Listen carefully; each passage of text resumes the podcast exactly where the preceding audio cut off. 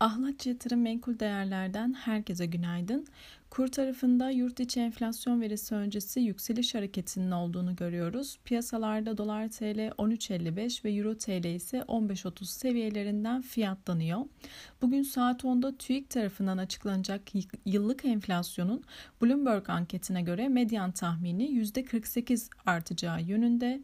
Aylık medyan tahmini ise %10,95 seviyesinde bulunuyor. Özellikle artan enerji ve gıda maliyetlerinin yükselişte ana etken olacağı tahmin ediliyor.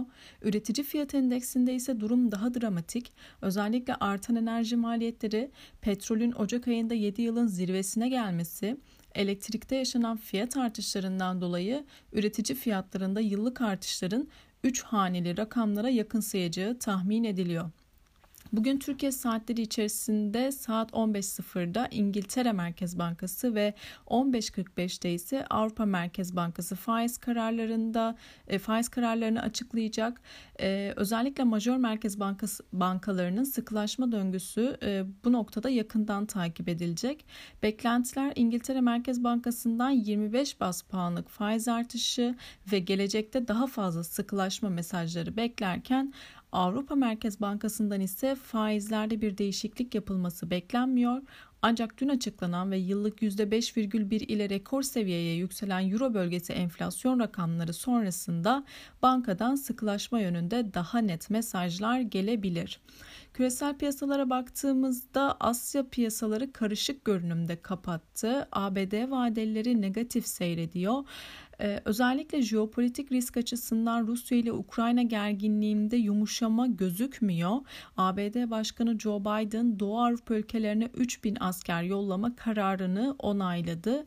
Diğer yandan e, dün sosyal medya devi Facebook'un çatı şirketi olan Metaverse'ün son çeyrekte kullanıcı sayısı ilk kez büyüme gerçekleştiremedi. Dolayısıyla 2022 birinci çeyrek gelir tahminini de 27-29 milyar dolar ile beklentilerin altında açıkladı. E, bizde ise içeride Garanti Bankası bilançosunu açıklayan ikinci banka oldu. Garanti 2021'de 13,07 milyar TL net kar elde etti. Ee, içeride Borsa İstanbul tarafına bakacak olursak dün pozitif açılış gerçekleştirse de zayıf bir görünüm ile günü ekside kapattık. Özellikle yukarıda 2035 seviyesi direnç bölge olma özelliğini koruyor. Aşağıda 2000 seviyesi psikolojik ana destek olmakla beraber bu seviyenin altında 1975 seviyeleri destek olarak takip edilebilir.